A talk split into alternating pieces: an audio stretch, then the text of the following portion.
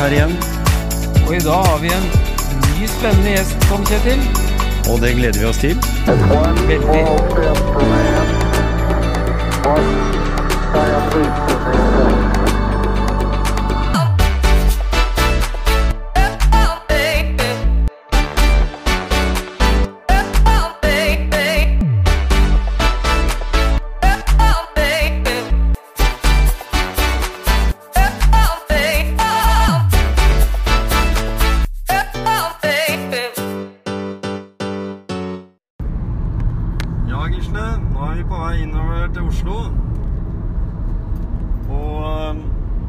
skal treffe Mats Kaggestad på Aker Brygge.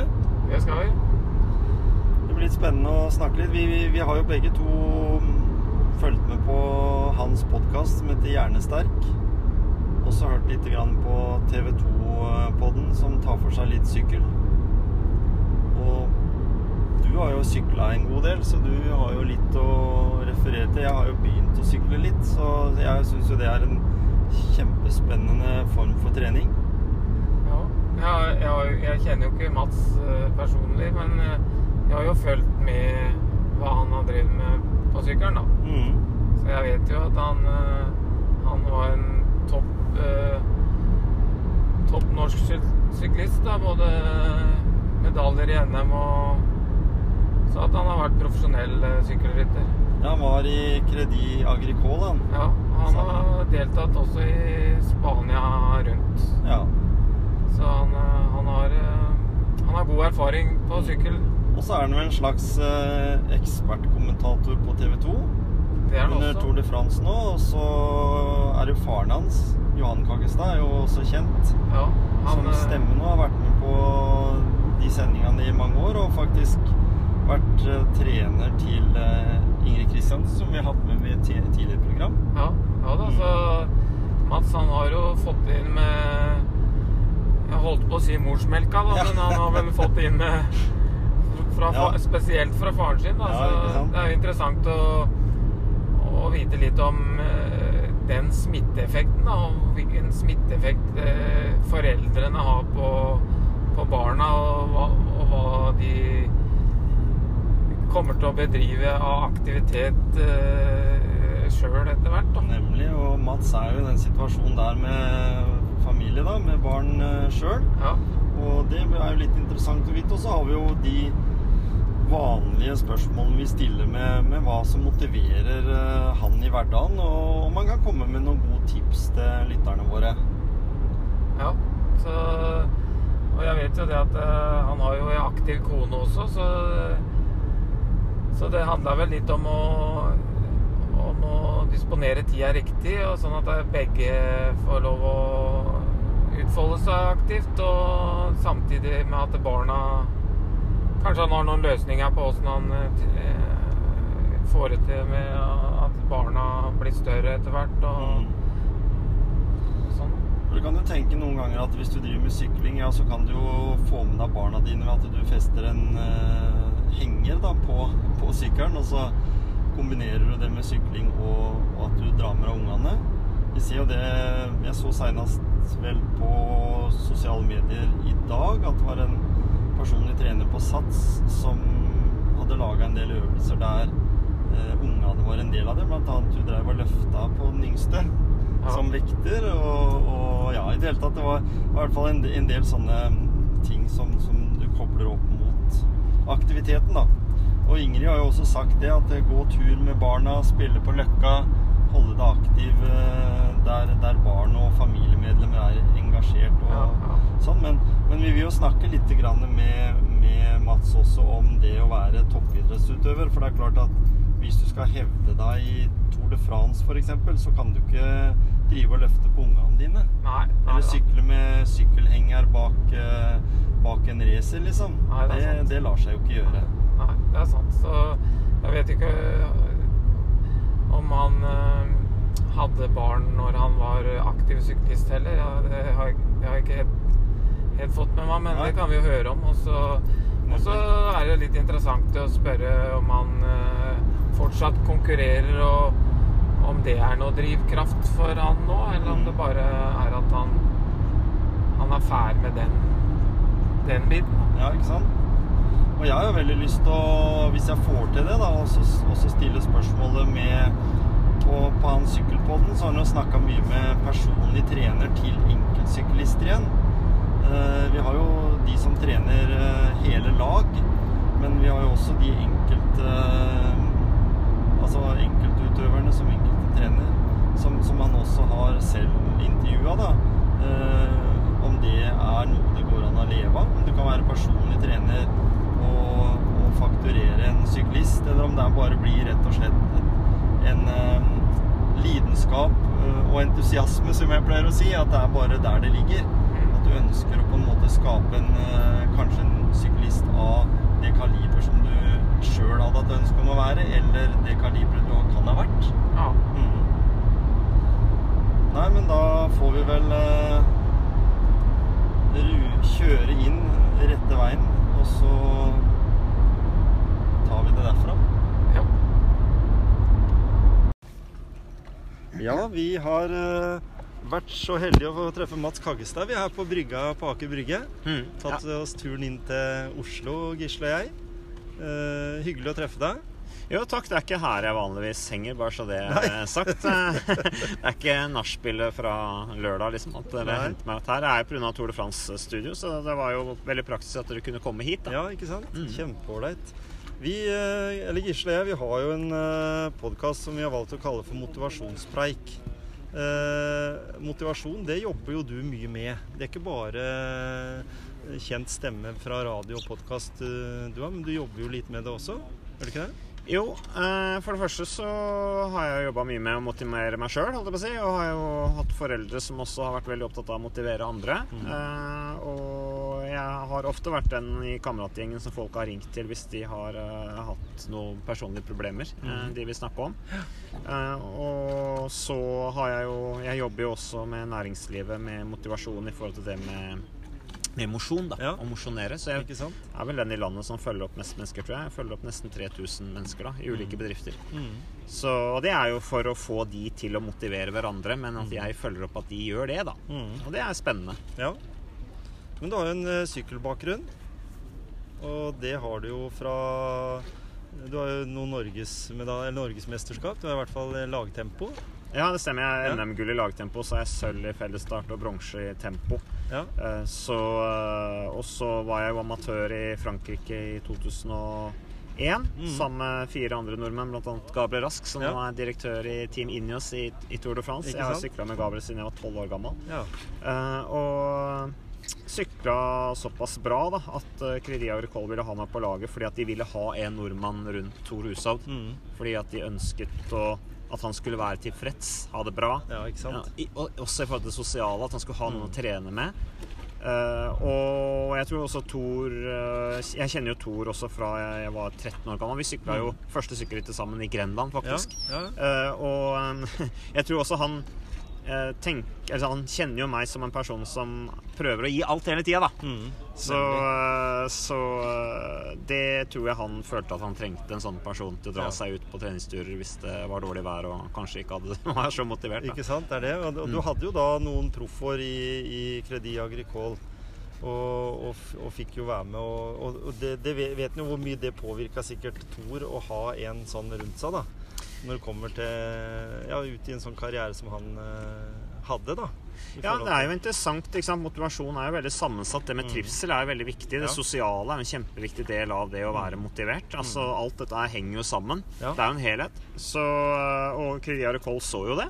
At uh, skulle de beholde Thor, og skulle han prestere, så måtte han ha det bra. Mm. Og da var det kanskje lurt at han fikk trene mest mulig med en nordmann. Ja. Eh, Så, eh, så det, var, eh, det var veldig gøy, og det åpna jo opp døra for meg. Mm. Og fikk prøvd meg i en eh, sport som eh, jo er relativt eh, tøff. Men, eh, og jeg, men jeg oppnådde jo ikke det jeg drømte om. Eh, man drømmer jo om Tour de France, etappeseiere og gul trøye og, Ja, ja. og sånn. Eh, men, eh, men skolen var bra. Mm. Du har jo Spania rundt. Jeg kjørte Spania rundt, og det var bra. Da Ja. sykla jeg bra. Var i topp form, men jeg ble tredd sist. Ja, ja. Eh, Men eh, jeg satt jo og dro veldig mye. Ja, du hadde andre oppgaver. Jeg hadde andre oppgaver. Jeg ble jo målt på oppgavene, ikke Ja, ikke sant? resultatet. Og det er det som på en måte Jeg har jo ikke noe Altså, Gisle han har jo sykla en del. Han har jo hatt forskjellige perioder i der han har liksom vært hekta på sykkel, og så har det vært maraton og løp, og så har det vært eh, da plutselig triatlon, som blir liksom da også svømming. Eh, men jeg har liksom syns at jeg har jo fulgt med på, på Tour de France-sendingene siden det kom, og alltid kribla i kroppen, så jeg har egentlig de siste par åra begynt å sykle litt. Men allikevel så ser jeg jo det her at det, er litt interessant å se det der med, med hvordan en er bygget opp som lag. Mm. Altså sånn som du sier det med arbeidsoppgaver. For det kommer mer og mer fram når du følger de sendingene nå, at du ser at en har ulike arbeidsoppgaver. Det er noen som er med på det der, men som aldri på en måte er i nærheten av, å vinne den trøya, som du sier, Mm. eller, eller komme i nærheten av en etappeseier. Men allikevel så er jo på en måte høyt heva i laget, da. Fordi det er den, det er sånn, de har en så viktig oppgave. Ja, og folk spør jo hva er det som motiverer disse gutta til å ofre seg for en annen. Mm. De trener knallhardt, la oss si 30 000 km i Ja, året, da. Eh, og er kanskje kjempegode amatører som mm. blir proffer. Uh, og da er det jo basert på resultatene gjerne at de blir proffer. Ja. Så kommer de til proffverden, og så vinner de ingenting. Nei. De kjører bare hjelperytter, men mm. det blir varemerket deres. Ja.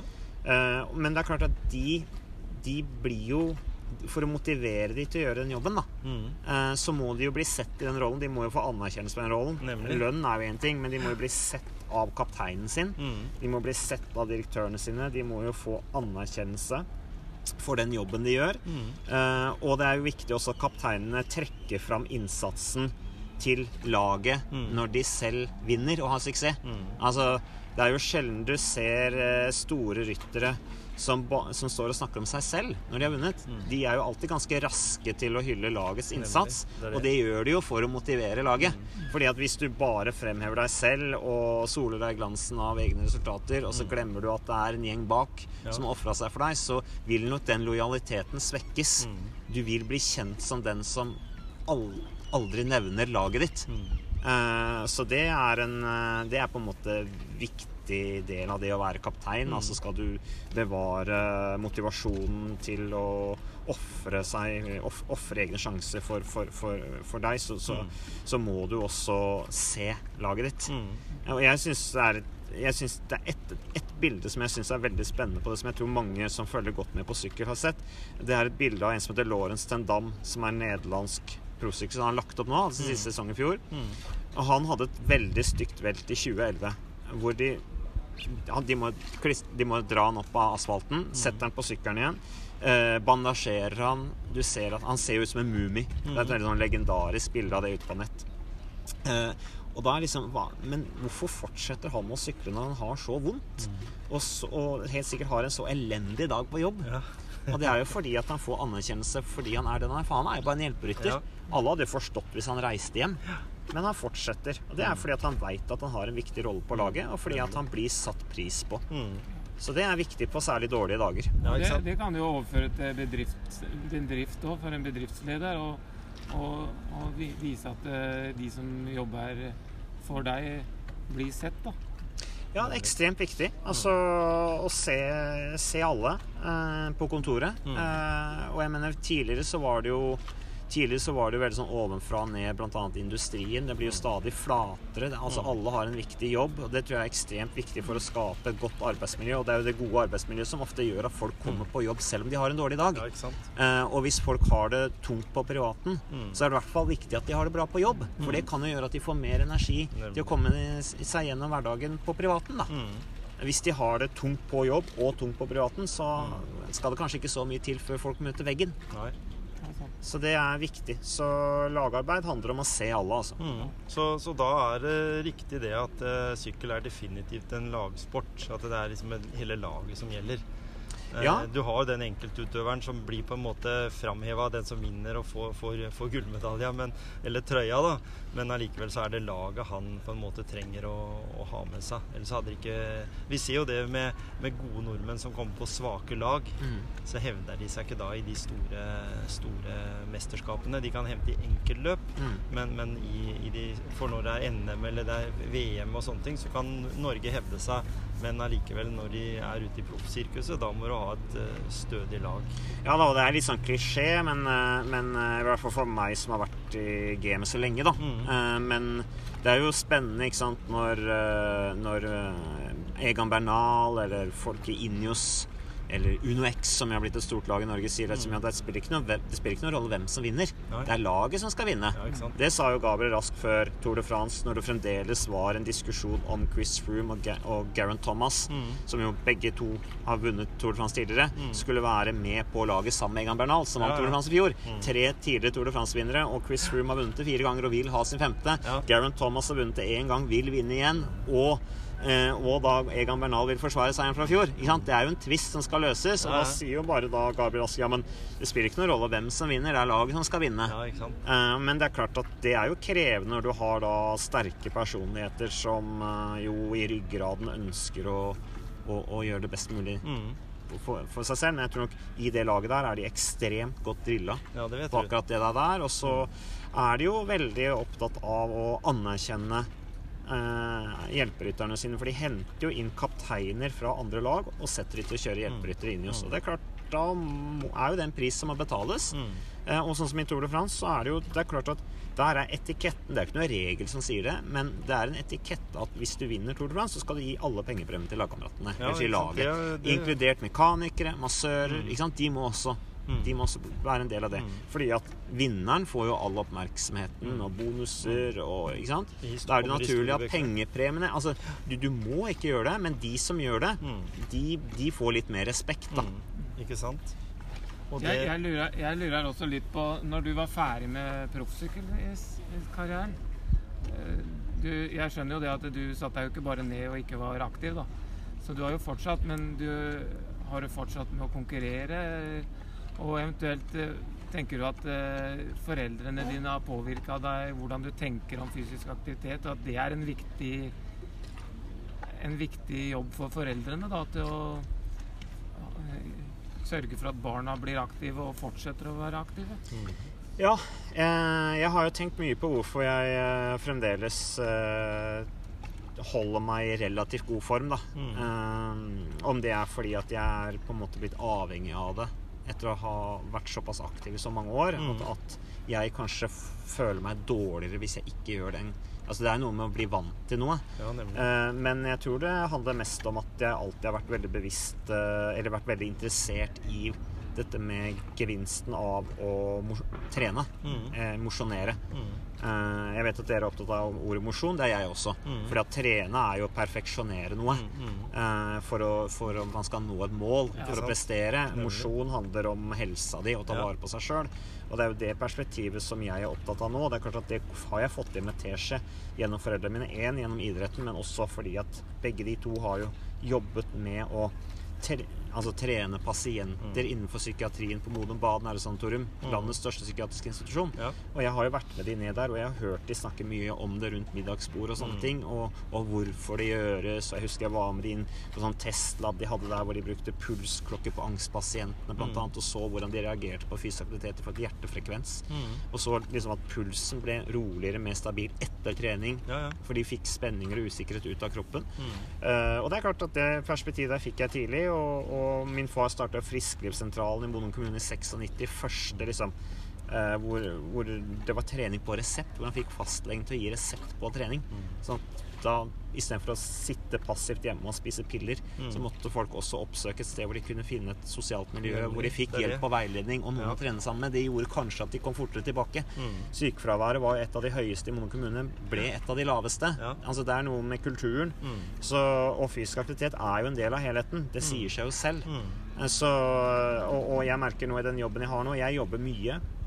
Har svært lange dager fordi at jeg i periode har eh, Jeg har to jobber stort sett hele tiden, og jeg har to små barn. Men det er klart at jeg merker jo det på humøret, på den mentale stayerevnen. da Uh, at jeg er, uh, at jeg er uh, mer skarp og kommer gjennom dagene bedre hvis jeg også mosjonerer litt. da Men sånn som nå i den perioden nå med Tour de France, og vi har studio, og det er veldig lange dager, sånn, så er det jo til og fra jobb som er treninga på sykkel, stort sett. da Mm. I dag har jeg trent en halvtime styrketrening. Ikke sant? Ja. Det holder, det. Trenger ikke å gjøre så mye. Neida. Men det er bare hyppigheten og vanene, vanene da. Mm. Og da, og da er vi jo inne på det der med å påvirke eh, den eh, holdt jeg på å si neste generasjon også til å få gode verdier. Fordi eh, vi har jo snakka litt om det. Dere har gjort det på, på Hjernesterk også. Snakka om at det er jo 75% av nordmenn er jo inaktive. Ja, og det var jo du inne på også Ja. i spørsmålet som jeg egentlig ikke Ja. svarte på, dette med barn. Mm. Uh, og det, det er jo Vi, jeg og min kone Marita, er veldig bevisst på det Mm. at vi vi ser jo at det er veldig mange av barna, vennene til barna våre som er opptatt av, eh, av sosiale medier og spill. Mm. Uh, og vi, er, vi, vi for, forklarer barna våre hvorfor vi setter grenser Mm. rundt det med spill og bruk av mobiltelefon og iPad. Ja. Uh, og der er vi ganske tydelige, og vi har også snakket med foreldrene til deres venner igjen Mm. om hvorfor vi er tydelige, og har fått de med på det samme. Mm. Fordi at hvis, hvis vennene til barna våre sitter inne og spiller, så er det klart da er det ingen andre å være ute sammen med. det Eh, og da er det jo ikke så rart de vil inn og spille, de også. Nei. Og så møter de vennene sine på spill. Mm. Eh, men det er kanskje bedre om de Man kan sette det grensen, kan heller barna være ute Mm. og leke sammen ute. For det, det blir jo helt tomt ute. Ja, det er. Så det, det er jo ikke så rart de vil inn. Nei. Når det ikke er noen å leke med. Nei da. Nei da. Så det, og det er en utfordring, altså. Og det er jo i barnsalderen du bygger den viktigste motorikk Altså du bygger motorikken din. Da. Mm. Eh, og, og, og ferdigheter og fysikk basert på erfaring og, og bevegelse. Mm. Mm. det er den viktigste erfaringsarena man har, det er å være ute i bevegelse som barn. Mm. eh, som bygger deg opp både fysisk og psykisk. Så, så det er jo da grunnlaget legges. Og det er jo veldig synd, for jeg tror at det er veldig farlig hvis vi får en generasjon nå som er lite fysisk aktiv, og når de kommer opp i voksenlivet, så tror jeg de blir fortere slitne. Mm. Og er du mye sliten fordi at du er fysisk svak og har dårlig mental, så skaper det en dårlig mental stayerevne, og så blir du fortere mentalt skitten. Blir du fortere lei deg? Er du mye lei deg, blir du fortere deprimert. Mm. Og så har du den spiralen der, da. Så fysisk aktivitet er jo egentlig en helt sånn eh, Det er jo en vidunderlig ting å gjøre. Mm. Fordi at eh, det er jo som Ole Petter Gjelle også sier i Hjernesterk, liksom den mest potente pillen vi har, det er mosjon, da. Mm. I forhold til mental og, og, og fysisk eh, Mm. helse. Derfor så bør Det er klart at eh, mye av ansvaret ligger jo på foreldrene, men, men det er jo ikke dermed sagt at det fungerer bestandig. Nei? Så da bør vi kanskje øke antall timer med fysisk aktivitet i skolen, f.eks. Ja, det er ikke lett å være forelder. Det er Ikke sant? Det, det er, du skal jo nå igjennom til barna. Mm. Eh, Du skal jo ha bevisstheten selv. Du skal være litt pedagog. Mm. Eh, Du er kanskje sliten og har kanskje utfordringer i livet som gjør at du ikke har den energien til å Nemlig. ta opp den kampen. Mm. Eh, Så, også jeg er helt enig med deg at en må øke bevisstheten på det i skolen. Mm. Eh, fordi der eh, Altså helse, Det er viktig å lære barna om hva som skaper god helse. Mm.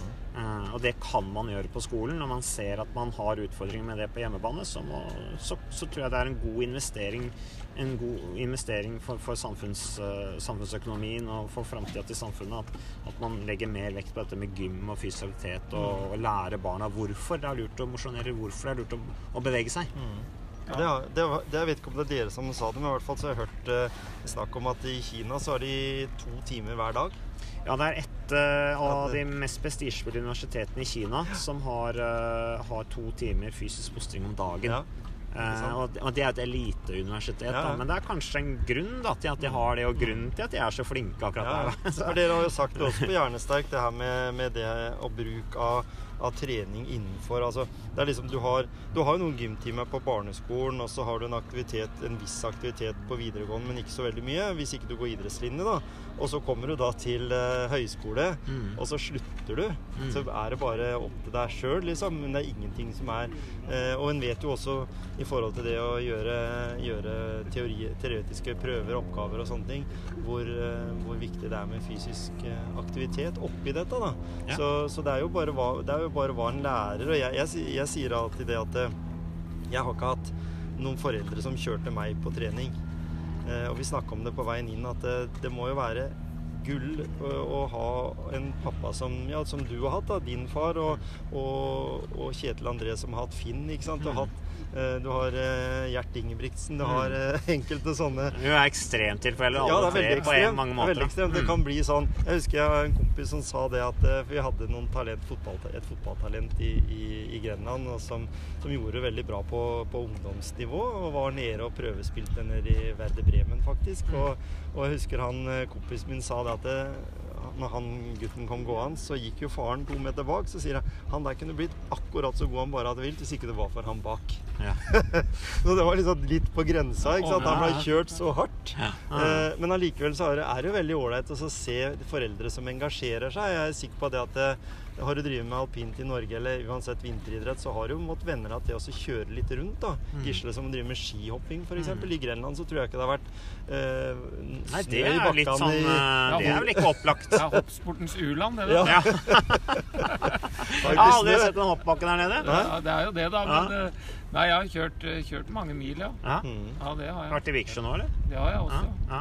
Ja, stor, ja stort sett og, overalt, egentlig. Ja, så det er jo også sånn En sykkel kan du liksom ta med deg rett på utsida, og så er veldig løypene er jo der. Ja. Og, over, men vi, vi har jo liksom Bare for å si litt om sykkel, da. Vi er liksom sånn Vi, vi syns jo at en, i Norge da så er det en sånn veldig lite politisk enighet om hva vi skal gjøre med syklister. da, fordi når vi sykler langs veien, så, så nytter det jo ikke å kjøre på gang- og sykkelsti i 40-45 km når du Nei. skal ha det som en treningsøkt. Da må du sykle i veien. Mm. Og i Grenland så er det sånn at du føler i hvert fall at folk har den mentaliteten at eh, nå skal jeg se hvor mange syklister jeg kan ta i dag. Å, er de sånn? Ja, ja, det er helt utrolig. det er som så usportslig ennå. Det har vært Ja, det er det. Så, så, så, så sykkel, syklistene flytter Vi flytter liksom ut av, av de rutene som vi egentlig kunne ha valgt. Da.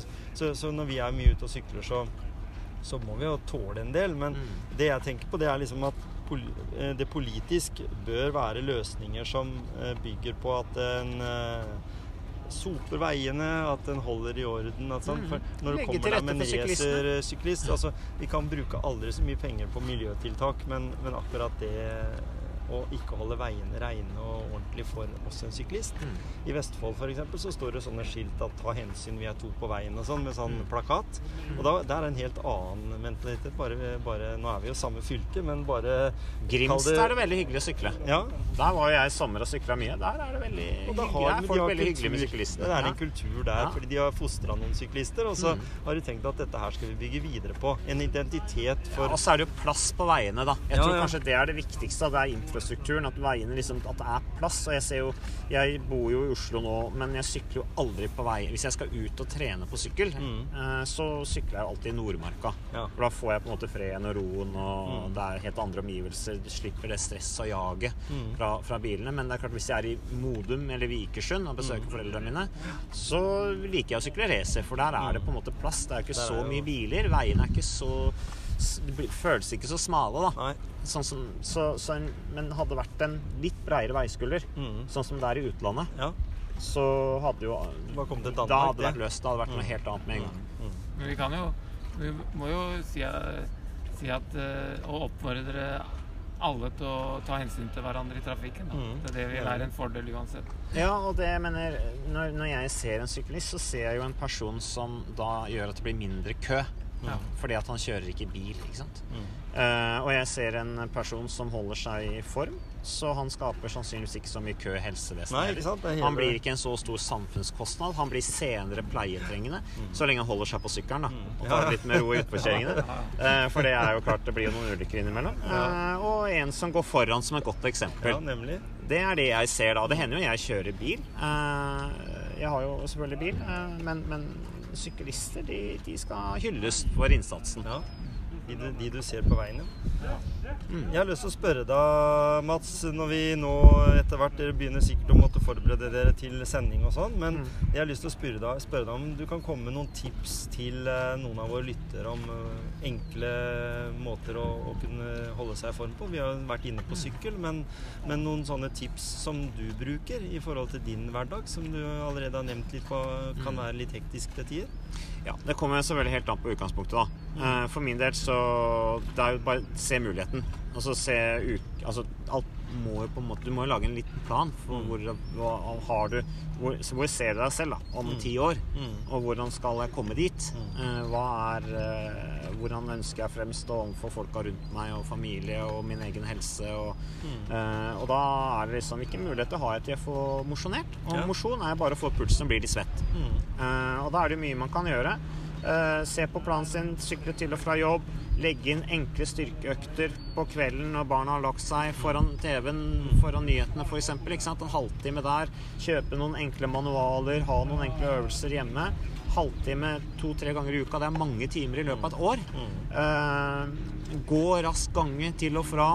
Eh, bruke helgene, eh, fridagene, til å komme seg ut på litt lengre økter. Mm. Eh, og, ikke, ikke, tenke, ikke tenke mengde, volum, intensitet, men tenke hyppighet, altså regelmessighet. Mm. Eh, kanskje ha som mål bare enkelt og greit at ja, jeg skal ha flere dager i måneden hvor jeg har mosjonert, Mm. enn ikke. Mm. Så, så det er liksom sånn tips. Men for folk som er i virkelig dårlig form, så er det bare å begynne å gå. Mm. Det tror jeg er det viktigste. Det er mye styres fra huet og vilje og, og ønske. Mm. Eh, Du, du, må, du må sette på den. Ja, og så er det vane. Jeg husker Min mor var, har jo alltid vært veldig aktiv, men så har hun, fikk hun veldig vondt i beina sine. Og så slutta hun å bevege seg, og så sa hun til meg, husker jeg som jeg la, merke til, at, at eh, ja, man, eh, man venner seg jo fort til å bli inaktiv. Eh, og da var hun kommet dit. Mm. Eh, så, og når man bare har gjentatt en gang mange nok ganger, så blir man på en måte vant til å gjøre det. Og man blir stolt av seg selv. Man får selvtillit i forhold til mestringsfølelse i forhold til at man klarer noe. Mm. Uh, og da får du ofte lyst til å gjøre mer av det. Mm. Uh, og gjerne så ser folk på deg at det skjer noe med deg òg, så du Mm. blir heia fra. Nemlig. Eh, du blir en inspirasjonskilde. Mm. Eh, og ikke minst, du kommer deg ut og hvis du har utfordringer i livet, sånn som alle har, så tror jeg at mosjonen lindrer. Det løser ikke problemet ditt, men det lindrer Mm. sånn at du kanskje takler det bedre. Mm. Så det, Det, det, det, gjør det det veldig, enkelt. Det er veldig godt sagt, for at det, det er veldig mange som bruker det der argumentet at eh, jo, men, jeg, ja, ja, men du har jo ikke blitt 100 liksom. Men det er, du har faktisk blitt bedre da enn det ja, er relativt. Jeg har relativt. takla det relativt bedre enn det jeg ellers ville gjort hvis jeg Mm. ikke gjorde det. Ja, og det er viktig, for at eh, man kan ikke forvente at, eh, at eh, man får 100 eh, At du kommer liksom Du forskyver Alle problemene dine blir ikke borte for det du er aktiv. Men alle har problemer hele tiden. Ja, Eh, og alle har utfordringer, men det er hvordan du takler de utfordringene som er forskjellen på folk. Ja. Så, og der er mosjon en, eh, en pille. Enkelt og greit. Og gjøre det sammen med noen har vi kommet fram til også, fordi vi ser jo hvordan den endrer seg eh, når du på en måte du har en eh, dag da, som har gått litt ræva, da, og det er liksom Å, faen, det er liksom Du er litt der. Som er helt vanlig. Også, ja, ikke sant? Alle har jo sånn. Mm. Og så nei, Nå tar vi, sånn som vi hjemme, har tre bikkjer, tar vi på banda, liksom, og nå går vi en tur. Treningsapparat med pels. Ja. Men når du er, jo, men allikevel, når du har kommet da ti minutter ut Du sa du er på vei innover òg. Ti minutter og gått ti minutter, kvarter, så begynner praten å bli løsere og løsere, og så har du glemt den der anspentheten og den der greia. Det er bare liksom å, å ta seg den eh, Og det er som du var inne på, det blir en vane. Ja. Det at du da må ta den turen etter hvert, så blir det sånn at du klør etter å ta Ja, den turen. det er en, du vet eh, hvilken medisin det er. Og så er det da noen som sier at jeg er fanatiker og sånne ting. Eh, Det, det skaper at liksom, å, jeg vil ikke bli avhengig av noe sånt. Men det er en veldig sunn vane. da. Ja. Sunn avhengighet. Som ikke belaster samfunnet i særlig stor grad. Ja. Så, og det er jo gøy når du har tre bikkjer, og så må du benytte muligheten. Det er jo inspirerende å se hvor glad hundene blir av å komme seg ut. Jeg tror faktisk det er det samme med oss. Det er det. Hadde vi hatt hale, så hadde vi også logra Ja, når vi kom ut på tur. Men, Absolutt. men vi har jo erfart det, og vi vet det jo. Ja. Mm. Så det er jo bare det å få folk til, folk til å fortsette å være aktive, de som er aktive. Mm. Og så de som på, en måte så et lite frø i de som ikke har kommet ordentlig i gang. Det er det, det er det vi tenker på, Mats. Og jeg er kjempeglad for at vi fikk komme hit Ja, og forstyrre deg oppi dette her eh, Tour de. France-løpet. Ja, ja, ja, Ja. hyggelig det. Nei, men dere får kose dere videre på Ja. Oslo-tur. Takk for det. Vi eh, skal gjøre definitivt det. Vi har et annet tema også, den gode hjelperen eh, i idrett, som vi skal opp på Olympiatoppen og snakke med hun, Else Lybekk. Marte Sørli. Lybekk. Og hilse håndballspilleren. Ja, skal vi gjøre.